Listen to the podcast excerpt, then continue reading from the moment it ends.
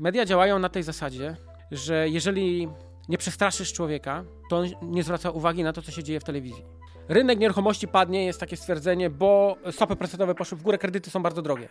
Wcale nie. Dzisiaj motywujemy, żeby nie pracować, żeby ciągnąć y, od państwa, a państwo wymyśla coraz to nowe dotacje, a cały naród musi na to pracować i to jest takie błędne koło, nie? Właściwie 75% osób nie widzi tego kryzysu dzisiaj jeszcze. I 75% osób twierdzi, że ceny nieruchomości wytrzymają, y, i nie będzie korekty. Jeżeli interesuje Cię biznes, przedsiębiorczość, pieniądze, zasubskrybuj nasz kanał i kliknij dzwoneczek. Partnerami przygód przedsiębiorców są IBCCS Tax, spółki zagraniczne, ochrona majątku, podatki międzynarodowe. Fullbacks, kompleksowa obsługa importu z Chin oraz pomoc na każdym jego etapie. Milky Ice, budujemy sieć punktów z lodami w Dubaju i Abu Dhabi, a wkrótce w innych krajach. Odezwij się, jeśli chcesz działać z nami. YouTube dla biznesu. Wejdź na przygody.tv i zobacz, jak wiele mogłaby zyskać Twoja firma dzięki YouTube z naszą pomocą. Linki do partnerów znajdziecie w opisie filmu. Dzień dobry drodzy widzowie, Adrian Gorzycki, Przygody Przedsiębiorców. Witam Was w kolejnym odcinku naszego programu, gdzie tym razem naszym gościem będzie człowiek, który w swojej branży osiągnął wedle, wedle opinii wielu osób bardzo, bardzo dużo. I teraz pozwólcie, że Wam przeczytam to, co jest napisane w briefie a propos tego gościa. 42 transakcje flipowe w trakcie, rok 2022. Planowany zysk 30 do 50 tysięcy na każdej. 6 projektów deweloperskich o łącznej wartości ponad 250 milionów złotych. Budowa ponad 350 mieszkań. Rok temu oddaliśmy do użytku akademik w Łodzi budowany od zera, 158 pokoi dla studentów, 100% wynajęte, wartość biznesu 32 miliony netto. Oddaliśmy w tym roku piękną zrewitalizowaną kamienicę, robimy inne cztery projekty rewitalizacyjno-deweloperskie. Ze szkoleń przeszkoliłem 7 lat ponad 1200 absolwentów, z których ponad 900 zrobiło swojego pierwszego flipa. Ten brief jest dwa razy dłuższy, ale już nie przedłużajmy i przedstawmy naszego gościa. Wojciech Orzechowski, dzień dobry. Dzień dobry, witam Cię serdecznie, Adrianie, i wszystkich internautów, którzy nas oglądają. Słuchaj, ja się już zgubiłem w tych milionach czytając to. Musiałbym wziąć kalkulator, żeby to wszystko policzyć. Jak ty się czujesz z tym wszystkim, patrząc wstecz na to, co zbudowałeś, na, na, na to, co zbudowaliście z waszą społecznością? No jest to piękne, wspaniałe. Właściwie gdzie nie pojadę w Polsce, E, to zawsze jest się z kim spotkać. Nawet dzisiaj przed chwilą z Kamilem i Pawłem tu mieliśmy spotkanie, bo ja w Bydgoszczy też mam kamienicę, którą... A na jakiej ulicy? Na Wileńskiej. Okej. Okay. Mhm. Na Wileńskiej, Wileńska 5, taka e, skromna, nieduża, ale jest, było 100 miejsc pod kwatery pracownicze i to bardzo ładnie hulało. Mm, jak przyszła pandemia, stwierdziliśmy, że będziemy rewitalizować wnętrza, żeby robić fajne apartamenty pod booking i wynajem krótkoterminowy i to robimy. E, pokój za pokojem, apartamencik za apartamencikiem. E, chłopaki tutaj pilnują, no i dobrze tym wszystkim zarządzają. E, I, jest tak miło, że gdzie się nie pojedzie, to jest fajne, nawet tu jak siedzę, to widzę Adam Grzymski, to przecież nasz, nasz lider warszawski, trzy lata oddziałem warszawskim zarządzał przepięknie, przespaniale. Po prostu na jego spotkania przychodziła cała masa mm, ludzi. Flip na pierwotnym to tam jest przecież Sołtysiak, który na moim kanale na YouTubie jako pierwszy był gościem w 2015 roku, gdzie w terenie mm. uczyłem go jak flipować, jak wybierać nieruchomości. Całkiem inny yy, Patryk niż dzisiaj, nie? Drodzy słuchacze, Więc... bo ci, ci zwłaszcza co są na podcastach, mm, Wojtek właśnie pokazuje na nasz stół, na którym mamy taką tradycję, że nasi goście po prostu stawiają swój autograf. Tak, e, no fajny stół, e, fajna pamiątka e, i w ogóle cieszę się, że tu jestem. Ja również, no bo ty... Chyba już z rok mnie nie było, bo to ostatnio tak, tak, debata z Cezarem, Cezarem Grafem była tak, też fajna. Tak. Bo ty w branży nieruchomościowej ile już lat siedzisz? Od 2006. O, 5, 6, no to będzie prawie 20 lat za chwilę, za 3 lata, nie? 17. To zanim wrócimy do tych wszystkich poszczególnych inwestycji, mam a propos nich sporo pytań, to powiedz mi, no bo taki długi odcinek czasu sprawia, że ty już na rynku nieruchomości widziałeś co najmniej jeden cykl, tak. albo nawet pewnie dwa. Tak jest. Jak ty oceniasz to, co się dzieje obecnie? Ja całkiem inaczej niż wszyscy, no może nie wszyscy, może większość. Bo nawet ci, którzy inaczej uważali, już uważają tak, jak ja uważam. Bo tak jak słucham wypowiedzi niektórych e, guru YouTube'owych, e, szczególnie z własnego podwórka, z którym się sprzeczam i czasami boksuję, E, to kiedyś mówili inaczej, dzisiaj mówią podobnie, zapowiadali kryzys, a okazuje się, że nie jest. Zresztą, jakbyście wrócili do debaty z Cezarem Grafem, która była tam z rok temu, to spójrzcie, co się sprawdziło z tego, co mówiłem, a co jest dzisiaj. Faktycznie w tym kierunku zmierzamy. I wiele osób mówi kryzys, kryzys, mówią źle, źle i mówią tragedia i, i jeszcze korekta na rynku nieruchomości. Jak czasem widzę na YouTubie um, zdjęcie reklamujące odcinek katastrofa, załamka na rynku nieruchomości, y, to przerażenie mnie bierze, bo tak jak powiedział noblista amerykański, jeden z noblistów, zapomniałem nazwiska, ale który przepowiedział poprzedni właśnie kryzys w Stanach Zjednoczonych, sami gotujemy sobie ten los, bo my sprawimy, że e, ziści się to, o czym myślimy. Wiele osób na przykład dzisiaj wstrzymuje się z inwestowaniem. Czyli uwierzymy w narrację, w którą narrację. powtarzamy, tak? Będzie, będzie mhm. kryzys, to co robimy? Nie kupujemy. Aha, nie kupujemy, bo co? Bo spadną ceny, to kupimy wtedy. Ale wstrzymujemy się z inwestycjami i doprowadzimy do sytuacji, że faktycznie ten kryzys może nastąpić, chociaż według moich danych Wcale tak nie jest i wcale tak nie musi być. A co to są za dane? I skąd je masz? Gdybyś mógł je bardzo szczegółowo opowiedzieć. Tak jak e, wspomniałeś, 1200 e, osób przeszkolonych, ponad 900 zrobiło flipa pierwszego pod moim okiem. To jest społeczność, która łącznie liczy 2000 osób, bo z tymi uczestnikami warsztatów były osoby towarzyszące, mniej więcej połowa, więc taka społeczność dzisiaj nasza jest w całym w całej Polsce. Dzielimy się na województwa. W każdym z województw mamy spotkania regionalne, tak jak Adam prowadził swego czasu w Warszawie. Tam teraz jest y, Kuba Olencki i tą naszą społeczność spina. I to jest super sprawa, gdzie 75% e, inwestorów tak czy inaczej inwestuje. Więc mogę wysłać im ankietę i zaraz wraca wynik wiarygodny, jak na to wszystko patrzą inwestorzy. E, takim okiem setki, właśnie. Setki ludzi. Setki, setki ludzi, no prawie 2000, to, to ktoś tam zawsze odpowie. Zrobiliśmy taką ankietę ostatnio, 500 osób dało odpowiedź. Na YouTubie u mnie na kanale można zobaczyć e, webinar, gdzie wyświetlam tą ankietę z podziałem na województwa, czyli co się dzieje dokładnie w Bydgoszczy, co się dzieje w Warszawie, co się dzieje w każdym mieście wojewódzkim. Jest to wiarygodne. To nie, to nie jest tak, że są przypadkowi inwestorzy, którzy nazywają się inwestorami, a nie inwestują. To nie są osoby, które chciały być inwestorami, ale nie inwestują i pioczą na rynek, tylko rzeczywiście tak jak jest. Czyli jak długo sprzedajemy mieszkania dzisiaj. Y, co ciekawego, właściwie 75% osób nie widzi tego kryzysu dzisiaj jeszcze. I 75% osób twierdzi, że ceny nieruchomości wytrzymają y, i nie będzie korekty. To jest ich przekonanie, osób, które inwestują, które widzą, co się dzieje na rynku. Ja oczywiście mogę to za chwilę uzasadnić, dlaczego tak jest, bo pytasz, jak ja to widzę. ok, zmierzamy ku jakiejś e, technicznej recesji, zmierzamy ku spowolnieniu bardzo mocno. Wiadomo, że gospodarka to nie tylko nieruchomości, to jest część i są takie mm, e, pola w naszej gospodarce, gdzie patrzę za, z wielką trwogą. E, że na przykład rolnikom inflacja, dane, które są pokazane, tam średnia tam 16 parę procent, ale wśród rolników, gdzie oni kupują e, węgiel, e, opał, nawozy, to jest 60% wzrost cen. I to o tym trzeba mówić. I oczywiście za to odpowiedzialna jest dzisiaj dzisiejsza ekipa rządząca.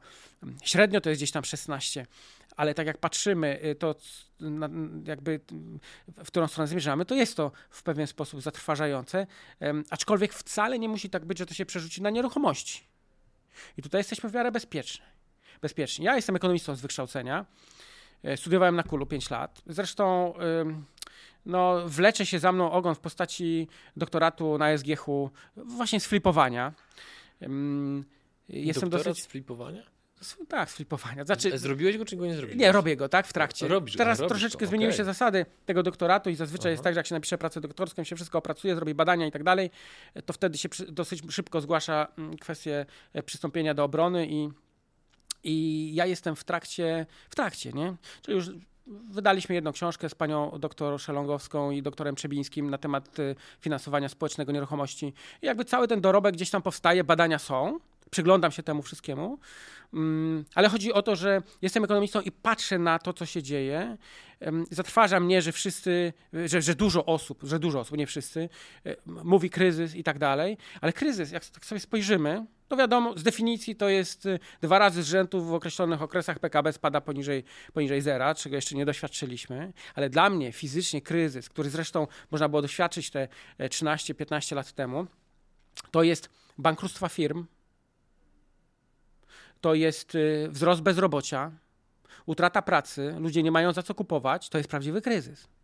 A to, co się dzieje teraz, to, to wejdźmy sobie do sklepu, do jakiejkolwiek galerii, zobaczmy, co się dzieje. Ile ludzie wydają kasy. A czy to nie jest trochę maskowane tym, że jednak drukarka działa bardzo mocno? Działa i to, to oczywiście też jest y, na niekorzyść naszą. E, natomiast, y, no i to właśnie jakby tam powoduje inf, inflację.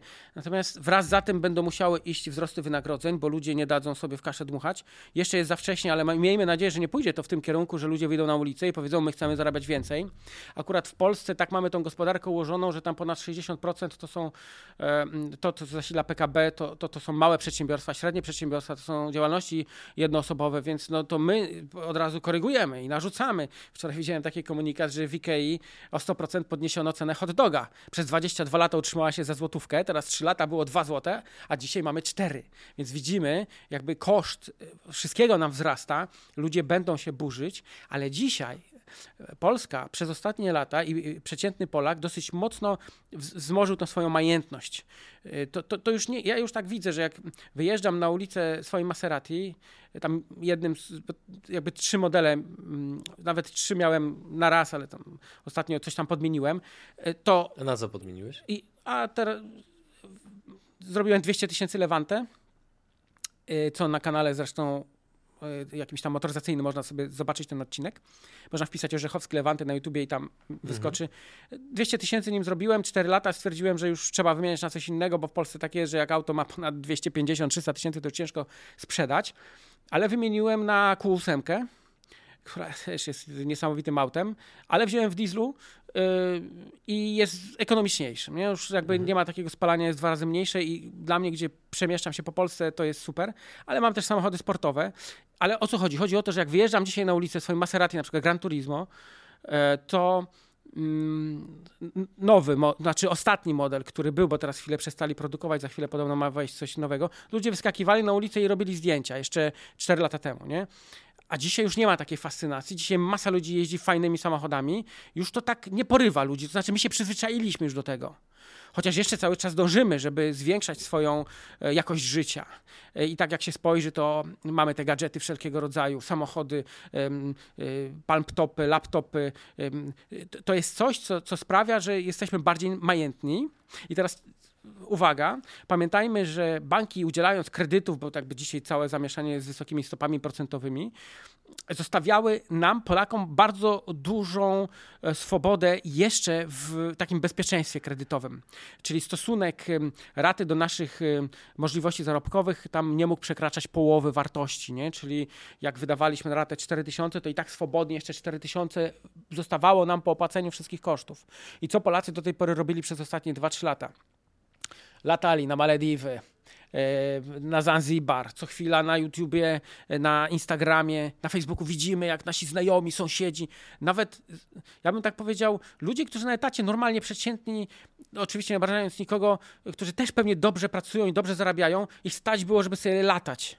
E, do Tanzanii. E, kiedyś to był tylko Egipt, 2008 to był Egipt, nie, Maroko i tak dalej, a teraz no to um, Bali, e, Stany Zjednoczone, bardzo popularne Meksyk um, i widać co chwila zdjęcia ludzie przesyłają, a teraz się to ukróci. To znaczy, mm, problemy, które mamy, sprawią, że Polacy przestaną już tak się bawić, bo raty kredytów y, y, zżerają im tą możliwość, więc Polacy już nie będą tak szaleć, nie będą wymieniać już tak samochodów, nie będą kupować y, gadżetów, a to będą przeznaczać na koszty życia, które wzrosły, czyli opał, ewentualnie raty kredytów i tak dalej.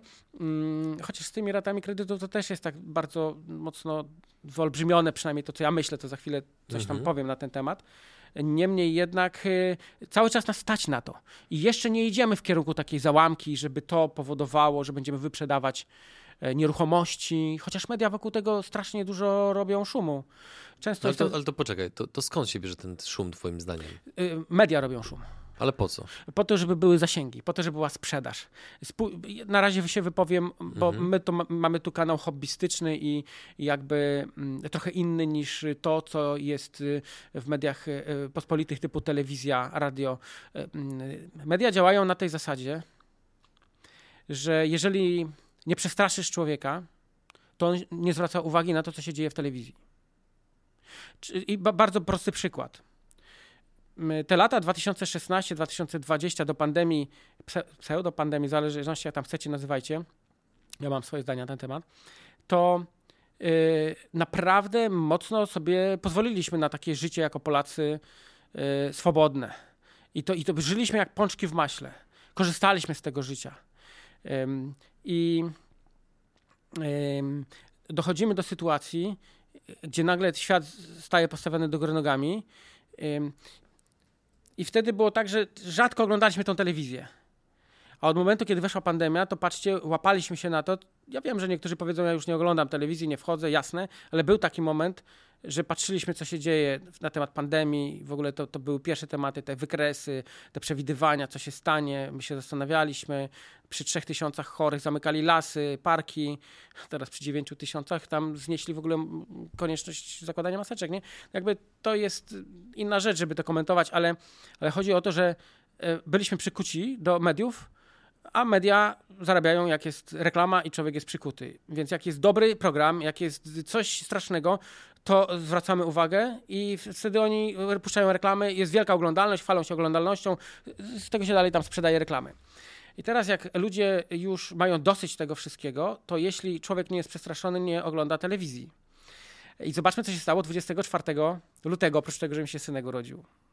Jak wchodzę dzisiaj na Onet, na Onet i widzę tam 195 dzień wojny, to wiem, że ona ma 195 dni, fajna statystyka, ale stało się coś strasznego nagle przestała e, być, y, nagle skończyła się pandemia i rozpoczął się temat wojny. Już nie mówiono o, o, o to znaczy tam próbowano przemycać jeszcze tam inne odmiany, inne choroby, ale, ale ogólnie wojna zaczęła być priorytetem. Ludzie się tak przestraszyli, że moi znajomi czy rodzina, z, która mieszka w, w, Lubelskim, załóżmy, albo ludzie z Podkarpacia, Białegostoku, no to mm, przez to, co się tam stało, czyli ruchy wojsk i w ogóle e, różnego rodzaju mm, mm wprowadzone obostrzenia sprawiły, że ludzie się strasznie przestraszyli. Przestali inwestować, zaczęli zastanawiać, czy nie uciekać, czy nie wyjeżdżać. I znowu media przykuły ich uwagę. A więc media muszą przestraszyć, jak przestraszą, jak robią szum, y, to, to my oglądamy i dajemy się na to łapać. Y, dlatego też bardzo takie chwytliwe też i na YouTubie komentarze, że tam katastrofa, kataklizm, kataklizm w nieruchomościach. Od razu włączamy, oglądamy, patrzymy, kto ma coś do powiedzenia, chociaż potem się okazuje, że tak do końca nie jest. Ale to media na tym zarabiają. Ja akurat jestem zapraszany trochę do telewizji, do TVN-u. Polsat chyba tam ze dwa razy zaliczyłem. Pytanie na śniadanie. No już tam mm, jakby nie politycznie się wypowiadamy, tylko jakby rzeczowo, merytorycznie. I, I, jest szum, czyli ludzie, ludzie będą bankrutować, ludzie, ludzie jeden dzień na przykład na RMF-ie był poświęcony audycji, że wzrosły te raty kredytów, bo stopy procentowe poszły do góry i patrzcie jaka tragedia, co się u was dzieje. No ludzie dzwonią do, do radia i mówią, no tak, nam wzrosło dwukrotnie, nie wiem jak sobie poradzimy, o rany straszne, poszły, poszły ceny do góry i stopy procentowe do góry i kredyty nam zdrożały. I wokół tego wszyscy się nakręcają. I to jest jakby przyczyną tego, że dzisiaj mamy y, tak y, nadmuchane, że jest strasznie źle. Ale jakbyśmy zaczęli mówić o tym, że jeszcze nie jest źle, że, że całkiem nieźle sobie radzimy, że, że będzie lepiej. To znaczy, rząd tam trochę próbuje nam koloryzować, ale nie w tym zakresie. Powinniśmy się jako społeczeństwo nastawić dosyć pozytywnie do tego. Może oddźwięk byłby inny i trochę inaczej, dlatego że jest to wyolbrzymione, bo na przykład rynek nieruchomości padnie, jest takie stwierdzenie, bo stopy procentowe poszły w górę, kredyty są bardzo drogie. Wcale nie.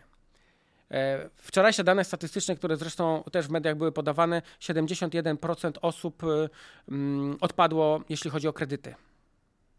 No i teraz zobaczmy sobie taką statystykę. Przed e, pandemią, e, może nie tak, rok temu, rok temu, o, gdy szliśmy na licytację komorniczą, no to w ogóle był rynek mocno rozgrzany i bardzo dobre warunki na inwestowanie, stopy procentowe niskie, ludzie mm, nakręceni, e, więc chodzili na licytacje, na przetargi, bo wiedzieli, że coś tam mogą ciekawego wybrać.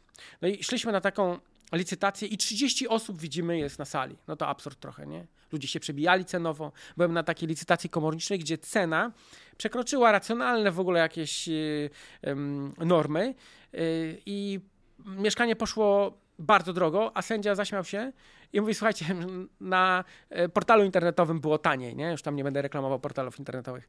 E, więc y, gdzieś tam szajba totalna. Taka irracjonalność. Irracjonalność, ale z tych 30 osób to było tak, że 30% to byli inwestorzy, y, przepraszam, 70% inwestorzy, a 30% to były osoby fizyczne. I teraz osoby fizyczne straciły w 70% zdolności kredytowe. A wśród przedsiębiorców nie, bo oni w dużej mierze za gotówkę kupowali. Więc przedsiębiorcy dalej mogą kupować, inwestorzy mogą kupować. Czyli jest trochę I dalej luźniej to na robią. rynku, twoim zdaniem. Jest trochę luźniej, bo ogólnie jak sobie to przeliczymy statystykę, to 30%, mm, to 70% osób odpadło, a 30% zostało. Czyli z 30 osób 10 dalej jest i oni walczą o te nieruchomości. Jest luźniej, ale dalej jest 10 osób. Ja chcę kupić perełkę, a tu 10 osób się bije. Dla mnie nie ma różnicy, czy 30, czy 10. I to motywuje, że ceny nieruchomości dalej będą się trzymać, będą rosły, bo jak jest konkurencja i ludzie się przebijają, a podaż spadła ze względu na to, co się stało, że deweloperzy się wycofali, weszła ustawa deweloperska, jest trudniej na rynku, no to będzie trudniej znowu o, o nieruchomości i, będzie, i będziemy walczyć o te perełki. Tym bardziej, że jest deficyt na rynku nieruchomości, cały czas brakuje z pół miliona mieszkań w Polsce. Chcesz spotkać się z gośćmi wywiadów na żywo, w realu? To możliwe. Wpadaj na eventy przygód przedsiębiorców. U nas nie ma sztampy i byle jakości. Są za to mega atrakcje, przemyślany networking, ogrom wiedzy i skuteczni przedsiębiorcy. Wejdź na stronę przygody TV slash kalendarium i sprawdź, gdzie wylądujemy następnym razem. Powiedz mi, tak zapytam w imieniu osób, które mogą nie być aż takimi fanami optymizmu, który ty reprezentujesz, pomimo że go opierasz o szereg różnych dowodów, faktów i liczb. Co musiałoby się stać na rynku, żeby Wojciech Orzechowski powiedział, mówiąc kolokwialnie, jest lipa, drodzy Państwo. Ja myślę, że to mm, obserwujemy rynek, tak? I obserwujemy wskaźniki, które, które mamy. Ja w webinarach bardzo te wskaźniki pokazuję na bieżąco. Y, Staram się przewidzieć, co będzie w najbliższym półroczu, bo to jeszcze jesteśmy w stanie przewidzieć, mm, dalej nie. Co to są za wskaźniki? To jest y, na przykład właśnie inflacja, bezrobocie, PMI, y, PKB. Czym jest PMI dla osób, które nie wiedzą? No to jest taki wskaźnik, który pokazuje właśnie optymizm wśród inwestorów, tak najprościej mówić, chęć do inwestowania, do wydawania pieniędzy. On jest ustalony na poziomie 50, jak jest powyżej 50 punktów, to jest optymistycznie i fajnie i dobrze. Jak jest poniżej 50, to jest słabo. No i teraz uwaga, bo w ostatnim czasie ten wskaźnik spadł do 42. Więc ogólnie optymizm na inwestowanie jest bardzo słaby i to już jest coś, co w połączeniu z inflacją może nam mówić, uwaga, robi się bardzo gorąco. Ale gorąco może być, dopóty, dopóki nie zaczną się bankructwa firm, bo to jest coś, co jak łańcuch pociągnie na wszystko dalej. Więc dopóki tego nie ma, to jest ok, spowolnienie, jest ciężko, może być drogo, ale jeszcze nie mówmy o kryzysie. Jak zaczną padać firmy, być może banki, duże korporacje, instytucje, przecież no, nawet dwa lata temu podczas pandemii to było rany, straszna tragedia. Jak się wróci do moich wypowiedzi na YouTubie, to mówiłem spokojnie, poczekajmy, bo scenariusze mogą być różne. I tak naprawdę to tam chyba ze dwie firmy ogłosiły upadłość w Polsce. Jakby to nie pociągnęło jakiejś katastrofy. Tu może być inaczej, bo mamy jakby sytuację na rynku światowym i, i trzeba to obserwować, tym bardziej, że jesteśmy jako gospodarka polska uzależnieni od świata, chociaż wcale nie tak bezpośrednio, bo jak dwa lata temu zbankrutował największy deweloper tam w Chinach i wszyscy mówili katastrofa już się zaczyna. Jak niektórzy mówią, że w Stanach Zjednoczonych już jest lipa, jeszcze nie ma tego przełożenia na rynek polski, bo dzisiaj całkowicie inaczej funkcjonuje gospodarka niż te 15 lat temu. Wtedy byliśmy uzależnieni tylko od Stanów Zjednoczonych. A dzisiaj mamy Stany Zjednoczone, Unię Europejską, która się liczy, Chiny. Jest to wszystko rozproszone. To nie jest tak, że jak gdzieś coś tąpnie, to od razu, ale suma, gdyby tego wszystkiego była tragiczna, to i pewnie w Polsce też, bo jesteśmy mocno uzależnieni, jak kapitał zostanie wyssany. Więc obserwujemy firmy, przedsiębiorstwa. Jak zaczną padać, to pociągnie za sobą zwolnienia, będzie rosło bezrobocie. Dzisiaj notabene bezrobocie najniższe od y, wielu, wielu lat, tam na poziomie 4,8%. I to jest sztuczne zresztą bezrobocie, bo wszędzie są ogłoszenia zatrudnię pracownika. Tylko, że ludziom nie do końca się chce pracować, a i nasze państwo niestety rozpieszcza mocno ludzi i zachęca ich do lenistwa, bo gdyby zabrać to 500 plus i postawić motywację do pracy dla młodych ludzi, którzy nie chcą pracować, byłoby całkowicie inaczej. Dzisiaj wychowujemy leni. Dzisiaj motywujemy, żeby nie pracować, żeby ciągnąć y, od państwa, a państwo wymyśla coraz to nowe dotacje, a cały naród musi na to pracować i to jest takie błędne koło, nie? No to jest y, kuriozum. to się skończy z katastrofą dla nas? Może się skończyć katastrofą. Po to też przecież dodrukowują pieniądze, zastanawiają się skąd finansować coraz to nowe rzeczy. No, a dzisiaj wymyślono, że będą do Niemiec ubiegać się em, o Reparacje. Tak, ale to kurczę wcale, e, no, jakby to bardzo fajnie jest politycznie, ale e, raczej, ma, ale szukają pieniędzy, szukają pieniędzy. Powracając do tematu. Pilnujmy, Jeżeli to się zacznie dziać, będą padać firmy, zacznie rosnąć bezrobocie, to jest już oznaka nieuchronnego kryzysu i wtedy faktycznie może być problem i ceny nieruchomości mogą zostać skorygowane, chociaż wcale nie jest powiedziane, że będą. Wszyscy upierają się. My mamy takie czasopismo Strefa Nieruchomości. Można nabyć w Empiku i w numerze 16 było opublikowane 19 powodów, to jest mój artykuł, 19 powodów obrony ceny na rynku nieruchomości, czyli dlaczego te ceny się obronią. 18 powodów aż jest. Czyli okej, okay, niektórzy mówią, ale jest inflacja, stopy procentowe. Nieważne. E, de, nasz taki ten deficyt. Mm, e, budżetowy? E, słucham? Deficyt budżetowy? Nie, defi deficyt narodzin, jak to się nazywa, niż demograficzny. Niż demograficzny. Niż demograficzny. Tak. Ale jest 18 innych powodów, gdzie jesteś, te ceny nieruchomości mogą zostać wybronione, za chwilę możemy sobie tam do tego wrócić, nie? Mhm. Okej, okay, a powiedz mi, czy obserwujesz w swoim gronie takich ludzi, bo ja ich spotkałem ostatnio kilku na takich różnych imprezach, raczej nie chcieliby być wymieniani z nazwiska, bo to na co oni czekają nie jest raczej poprawne politycznie i pożądane społecznie z perspektywy większości, ale spotkałem w ostatnim czasie sporo ludzi, którzy się skeszowali z bardzo różnych inwestycji, siedzą w tej chwili na górce gotówki i mówią, że cierpliwie czekają, aż na ulicy pojawi się krew, bo ich zdaniem tej krwi jeszcze nie ma. Pomimo, że tak jak powiedziałeś, media mówią o tym, że jest, ale w opinii ludzi, którzy realnie mają pieniądze i którzy czekają na przeceny, którzy czekają na okazje, którzy czekają na firmy, które będą bankrutować, na ludzi, którzy będą wyprzedawać nieruchomości, to wedle nich to jeszcze nie jest dołek. Co o tym sądzisz? E, to jest przykład podręcznikowy. E, o tym mówią też y, najwybitniejsi ekonomiści. Warren Buffett, przecież to jest jego jakby powiedzenie kupuj wtedy, kiedy na ulicach leje się krew. E, I faktycznie wielu inwestorów, czyli z tej części też, bo tak, mamy społeczeństwo, które e, straciło 71% zdolność kredytową. Dzisiaj ci, co kupują na rynku nieruchomości, to są gotówkowi i co ciekawego, nasze statystyki pokazują, że najwięcej transakcji jest na rynku pierwotnym. Dlaczego? Dlatego, że ci właśnie tu ludzie, oni chcą podnieść swój standard życia, oni, oni się dorobili trochę, nie liczą na bank, mają cash, czyli są kasiaści. Jak są kasiaści, to oni nie pójdą, nie kupują starej, zasikanej kamienicy nieruchomości czy w blokach z wielkiej płyty, tylko od razu idą na rynek pierwotny, bo tam pachnie, jest ładnie, jest pięknie, pochwalimy się. Więc dzisiaj to, co się dzieje na rynku, to deweloperzy odnotowują cały czas y, sprzedaż, ponieważ gotówkowi kasiaści przychodzą i kupują nieruchomości i tak faktycznie jest. Ci, którzy do nas przychodzą, to też w większości albo cudzoziemcy, którzy lokują pieniądze tu w Polsce, bo są fajne stopy zwrotu z najmu, albo ci, którzy mają gotówkę i chcą sobie zmienić życie na lepsze. To, to jest to. E, inni czekają, bo nie mają zdolności kredytowej. Jeszcze wielu z tych gotówkowych jest e, przestraszona sytuacją polityczną i tą, co się na świecie dzieje. I na wojnie, chociaż już się przyzwyczajamy, miejmy nadzieję, że w tej wojnie światowej, bo to wojna światowa, przecież cały świat e, walczy z Rosją, a ja też taki film miałem u siebie na YouTubie, że to do tego dojdzie, że cały świat będzie walczył, czyli my naszymi pieniędzmi i środkami i sprzętem y, wojskowym, y, a ręką ukraińską, tak, oni wszyscy walczą z Rosją i to jest bardzo ciekawe, bo mam nadzieję, że tu się zrobi porządek i takie mam e, nadzieję, że Rosja się rozpadnie i w ogóle powstaną nowe państwa znowu z kraju rosyjskiego i troszeczkę zmodyfikujemy ten wschód, nie? No to już będzie całkowicie inny wschód. Ale powracając do tego tematu, Czyli tutaj mamy tą grupę, e, która mm, jest mocno spowolniona w chęciach zakupowych. Mamy inwestorów i co ciekawe, wśród tych inwestorów, ci, którzy są na rynku najmu, dokupują na masę, bo widzą wysokie stopy zwrotu, bo jest boom na rynku nieruchomości. Dzisiaj wszystko na pniu się wynajmuje. Zresztą to, co my żeśmy się spodziewali, banki nam nie chciały dać finansowania na akademik, żebyśmy postawili cały budynek, bo nie wierzyli, że to wróci do normy. Mm, a my 1 września tamtego roku mieliśmy 100% wynajęte wszystkie pokoje. Po prostu to jest niesamowite.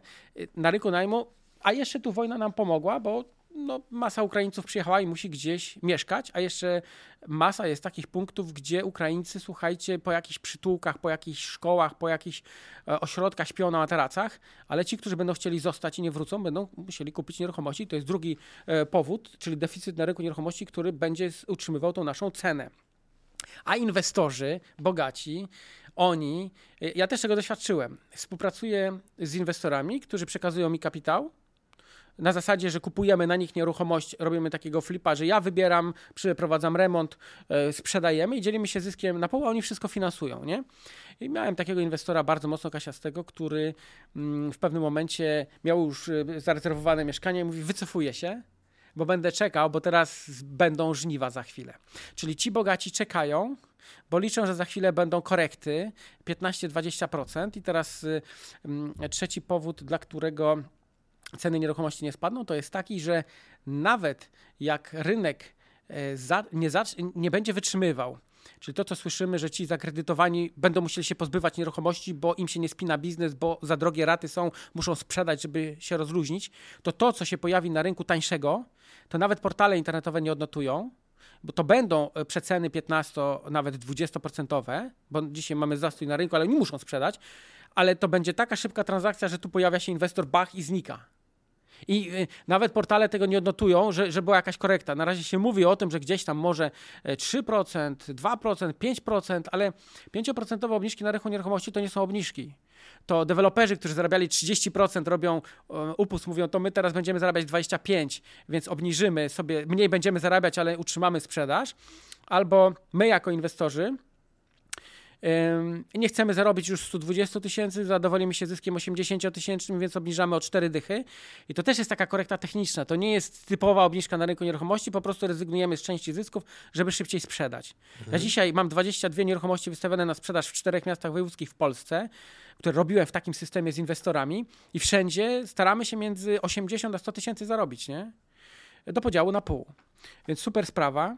I to powoduje, że ci inwestorzy będą jakby przejmować te nieruchomości i ciężko będzie odnotować, że ktoś tam obniżył cenę. Po prostu wygrają bogaci. Bogaci podczas kryzysu się bogacą jeszcze bardziej, a biedni biednieją. A jak to się odbywa? Właśnie to jest ten schemat. Nie daje rady biedny, więc wystawia na sprzedaż. Mm, a bogaty po prostu przejmuje i staje się jeszcze bogatszy, bo kupił coś, co jest przecenione o 20%, a na rynku nieruchomości super sprawa, bo to są wielkie wolumeny pieniężne i przejmuje się bardzo fajne nieruchomości, które za chwilę można wystawić na sprzedaż i, i sprzedać 20% drożej. Kolejne pytanie może jest zbyt śmiałe, ale z drugiej strony moją rolą jako prowadzącego jest sprawdzanie granic twojej otwartości. Liczyłeś kiedyś może, ile przez te wszystkie lata zarobiłeś na nieruchomościach? Licząc flipy, najmy, szkolenia, wszystko, co ma związek z nieruchomościami. Ja nie jestem bogatym człowiekiem, to ciekawego i jakby moja strategia zawsze, e, o której mówię, a która była realizowana w latach 2007-2014, do momentu, kiedy osiągnąłem tą wolność finansową, wyjechaliśmy do Włoch odpocząć i tam mieszkaliśmy przez dwa lata i tam dzieci chodziły do szkoły, a my nic nie robiliśmy, e, to jest próg 2 milionów złotych. 2 miliony złotych zainwestowane w nieruchomości na wynajem przy 9% daje 15 tysięcy przepływu pieniężnego dodatniego co miesiąc. 15 tysięcy daje możliwość fajnego utrzymania się w dowolnym miejscu na świecie, jeśli nie przesadzamy z wydatkami. E, więc to był taki cel. A więc 2 miliony to, to, to, to nie jest jakaś. E... A to było w tych pierwszych latach. Tak, to było w tych pierwszych latach. Mhm. To nie jest jakaś wyimaginowana mm, e, kwota. E, ale tak naprawdę od 2016 u mnie jakby rozpoczęło się jeszcze bardziej intensywne to inwestowanie, bo w 2018 zwiększyliśmy mm, e, przychód z najmu do 35 tysięcy mniej więcej tego przepływu pieniężnego pasywnego. Tu doszła wtedy ta kamienica w Bydgoszczy e, i 100 miejsc noclegowych dodatkowych. Mm, nie, ale myślę, że to będzie jakiś wynik 5-milionowy, więc to nie jest jakiś spektakularny wynik. Czyli, żeby, czyli żebym zrozumiał, te 5 milionów to jest majątek, który masz w nieruchomościach, czy to są pieniądze, które zarabiasz jako To są pieniądze, mówisz, zarobione przez, przez ten I, czas ile na wart jest Wojciech Orzechowski nie, dzisiaj? Nie, no to nie są duże pieniądze i trudno powiedzieć, jak, y, jakby to policzyć, bo jakby cały czas przez ostatnie 4 lata realizacji naszych projektów deweloperskich, gdzie ten kapitał zarobiony został tam olokowany w dużej części, to dopiero czekamy na wynik, czyli sprzedaż naszego akademika, e, mhm. e, zakończenie realizacji wiszących ogrodów, które dla niektórych będzie sukcesem, a dla niektórych porażką. No to jak to wszystko zapniesz, to w pesymistycznym czyli, scenariuszu Czyli jak zapnę, no to nie wiem, no, może to będzie 10-15 milionów, no, mhm. wszystko zależy od wartości sprzedaży. Okej. Okay. Czyli to nie są duże pieniądze. Ja nie, nie należę do ludzi bogatych, ale to, czego uczę wszystkich, i pokazuje w swoim życiu, że zarobione 2 miliony, zainwestowane w nieruchomości, daje ci wolność finansową.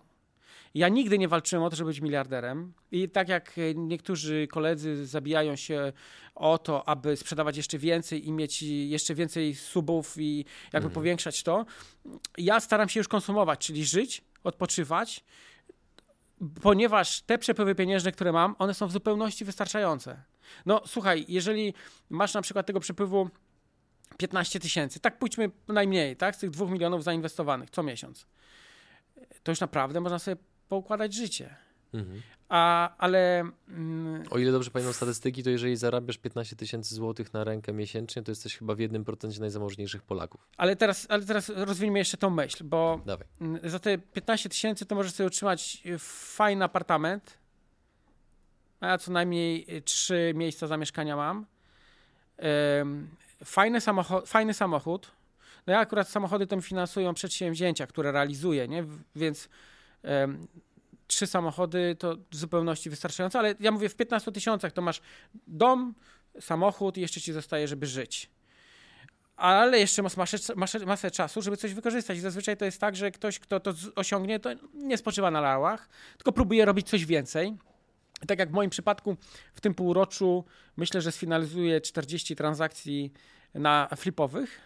Na każdej jest zarobek 30 do 50 tysięcy, czyli mamy Y, milion dwieście, dwa miliony, tak, dodatkowe. Mhm. I teraz spójrzmy na to, że co miesiąc sprzedaje się mieszkanie dwa lub trzy, czyli wpada jeszcze 100, 150 tysięcy.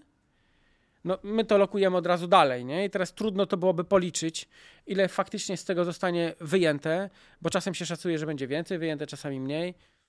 Trudno powiedzieć. Niemniej jednak y, to sprawia, że w pewnym momencie to już nie ma znaczenia. Bo jak ci wpada na miesiąc 50, 100, 150 tysięcy, to ani na to nie patrzysz, ale jest wielka satysfakcja i możesz zrobić co chcesz. Chcesz to lecisz, odpoczywasz, chcesz to inwestujesz, chcesz to ryzykujesz, chcesz to e, kupujesz sobie gadżety, a jak nie, to budujesz sobie tą mhm. dalej przyszłość taką swobodną i Masz jakiś endgame w swoim działaniu, jakąś taką linię mety, czy po prostu Myślę, że tak. idziesz siłą rozpędu? Myślę, że wygląda? tak, bo ten 2014 był takim przełomowym. Potem żeśmy tam zwiększyli, w 2018 całkowicie to inaczej to wyglądało.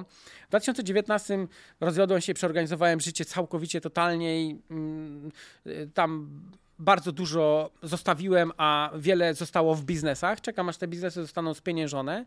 Myślę, że po realizacji tych projektów deweloperskich to jest w zupełności wystarczające, żeby E, być na, no nie, nie, nie, nie wiem, takim przepływie pieniężnym 50 do 100 tysięcy co miesiąc. No i co mi więcej trzeba? Chyba nic. Myślę, że wtedy w końcu do, dokończę doktorat, y, zajmę się hobby jakimś, mhm. a może zrobię coś więcej. Mamy fundację, w której bardzo mocno się udzielamy, pomagamy ludziom i, yy, i myślę, że ten endgame to jest taki 2024. Yy, chociaż to jest to, co rozmawialiśmy przed programem. Dobrze zorganizowany biznes to jest dobrze wydelegowany biznes. Ja podziwiam, jak to masz u siebie, ale też wiem, jak jest to u mnie. Jest 20 osób, które ze mną współpracują, e, które codziennie są i jak coś jest nie tak, to są wieszani za jajka. Mm, ty patrz, i mój podpis jest tu Wojciech Orzechowski, ale numer został. W każdym razie um, umiejętność delegowania robi ci biznes. I ja mam takie osoby, zresztą y, nie wiem, czy zwróciłeś uwagę, bo mm, wszedłem w słuchawkach, potem się rozłączyłem, a iPhone zaczął sam nadawać. Była właśnie e, konferencja wewnętrzna z pracownikami, tak, 15 mhm. osób e, gdzie też są menedżerowie i oni odpowiedzialni sami przed sobą, przede mną, mocno zmotywowani, wiedzą, co mają robić, układają ze mną ten biznes e, i, i, i, i biznes sam się robi. Jak biznes jest dobrze poukładany, to dobrze się robi. Ja mam taki program szkoleniowy, z którego skorzystało 9 osób do dzisiaj. Szkolenie kosztuje 200 tysięcy złotych, ale zarabiasz 600. I prowadzę za rękę, ponieważ jest to challenge, wyzwanie zrobić 20 flipów w ciągu roku. Jak ja robię 100, to dlaczego by ktoś nie miał zrobić 20? I dokładnie pokazuję, jak ja to robię. Są to całkowicie innego rodzaju szkolenia, bo to jest mentoring osobisty. Mhm. E, no i bardzo ciekawe. I, I co ciekawe, bo to masz możliwość zapłacić dychę po każdym flipie. 20 flipów to jest 200 tysięcy, więc stąd, czyli płacisz po efekcie, albo płacisz z góry 47 tysięcy. No kilka osób się zdecydowało z góry, wierzą w siebie, zapłacili 47 tysięcy za szkolenie i robią teraz flipy.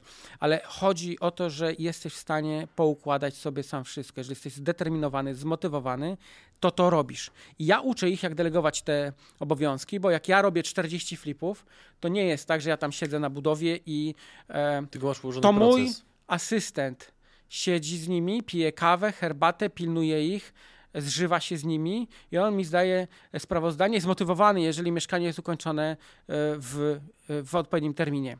Na przykład dzisiaj remont to się przyjmuje półtora miesiąca, dwa miesiące. Ja mam Rafała, mojego asystenta w Poznaniu, niesamowity człowiek, który w miesiąc dopina remont na pierwotnym mieszkania 50-60 metrowego wraz ze stolarzem. To jest umiejętność niesamowita. I tak można robić flipy, i tak można robić yy, biznes. I z takiego mieszkania za chwilę wpada 30-50 tysięcy. I jeżeli ty wydelegujesz to, to ja później sobie mogę za dwa lata od, odpoczywać, bo Rafał, który jest zmotywowany i który przy mnie zarobi, nie wiem, 50 tysięcy miesięcznie, on jeszcze nie jest na tym poziomie, bo on dochodzi do tego, też się uczy.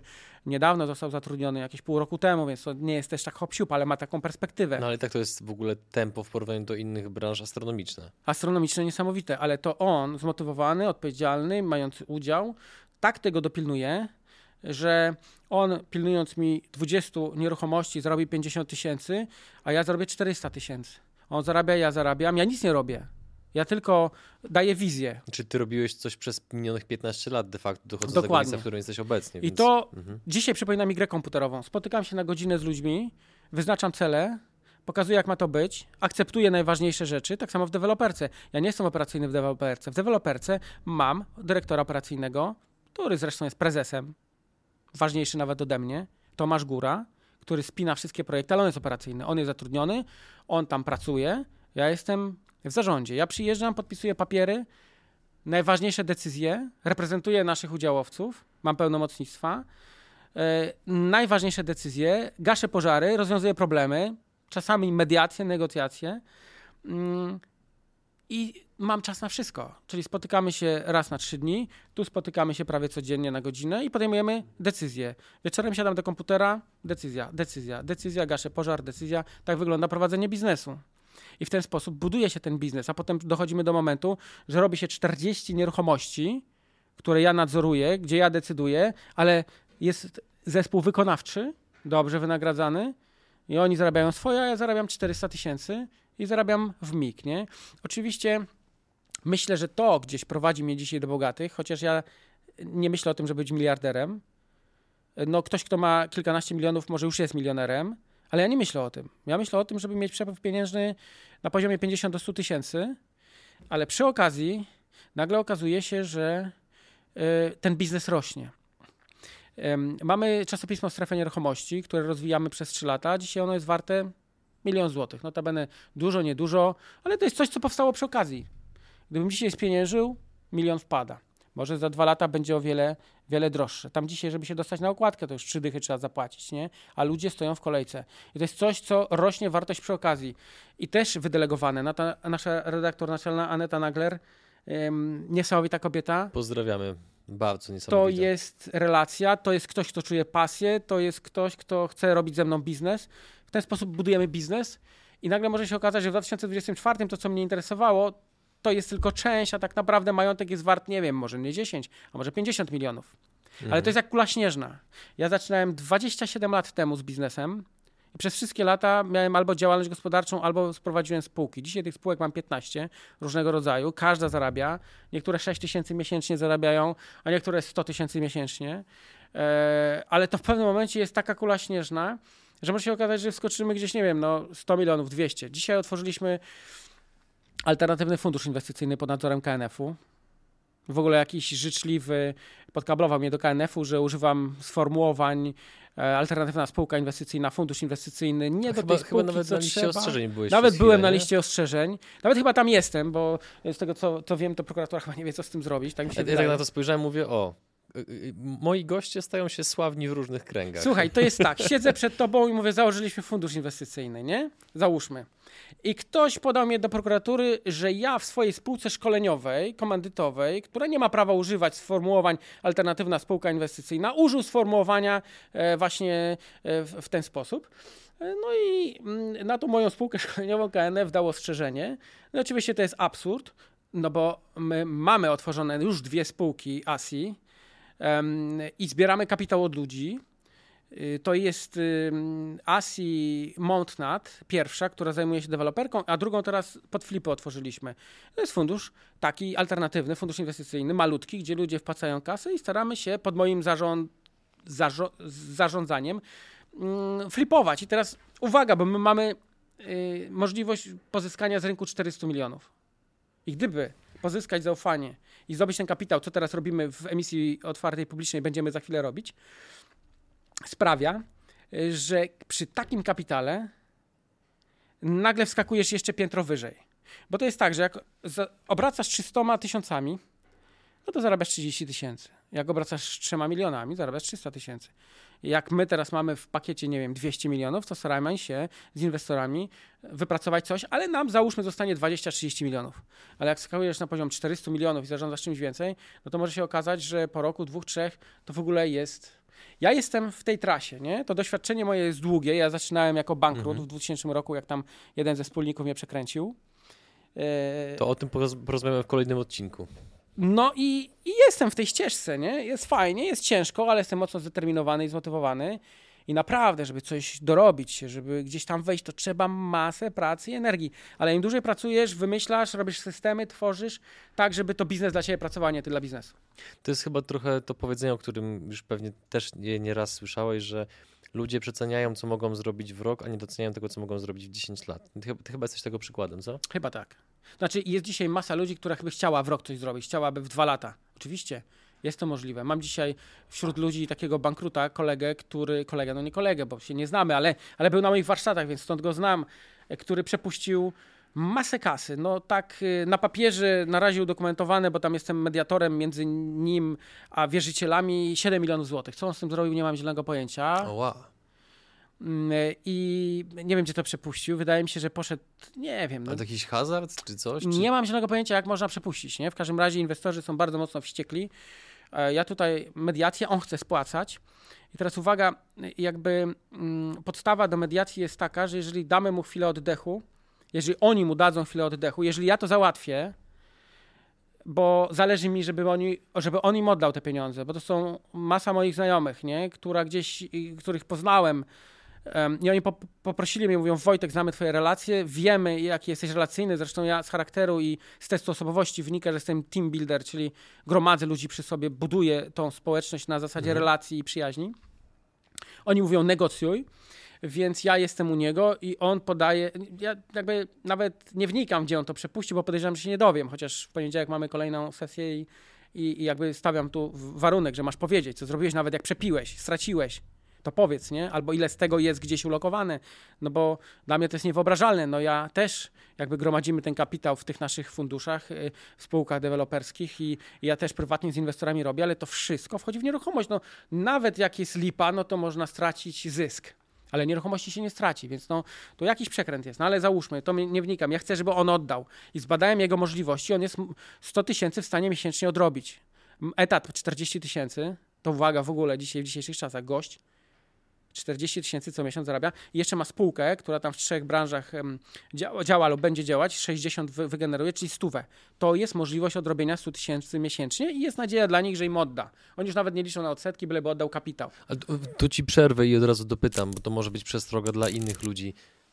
Jakie z twojej perspektywy jako mediatora błędy popełnili inwestorzy, że powierzyli taką Naiwność. kasę człowiekowi, który coś z tą kasą zrobił, w cudzysłowie przepuścił? Niektórzy byli u mnie, inwestowali ze mną i nie satysfakcjonowały ich stopy zwrotu między 10 a 20%. A to jest absurd. To było za mało dla nich. To było dla nich za mało. Jak sam robisz, okej, możesz zarobić więcej, bo inwestujesz 500, w pół roku zarabiasz 100, czyli to jest e, 20. 20%, zrobisz dwa takie flipy, 40%, nie?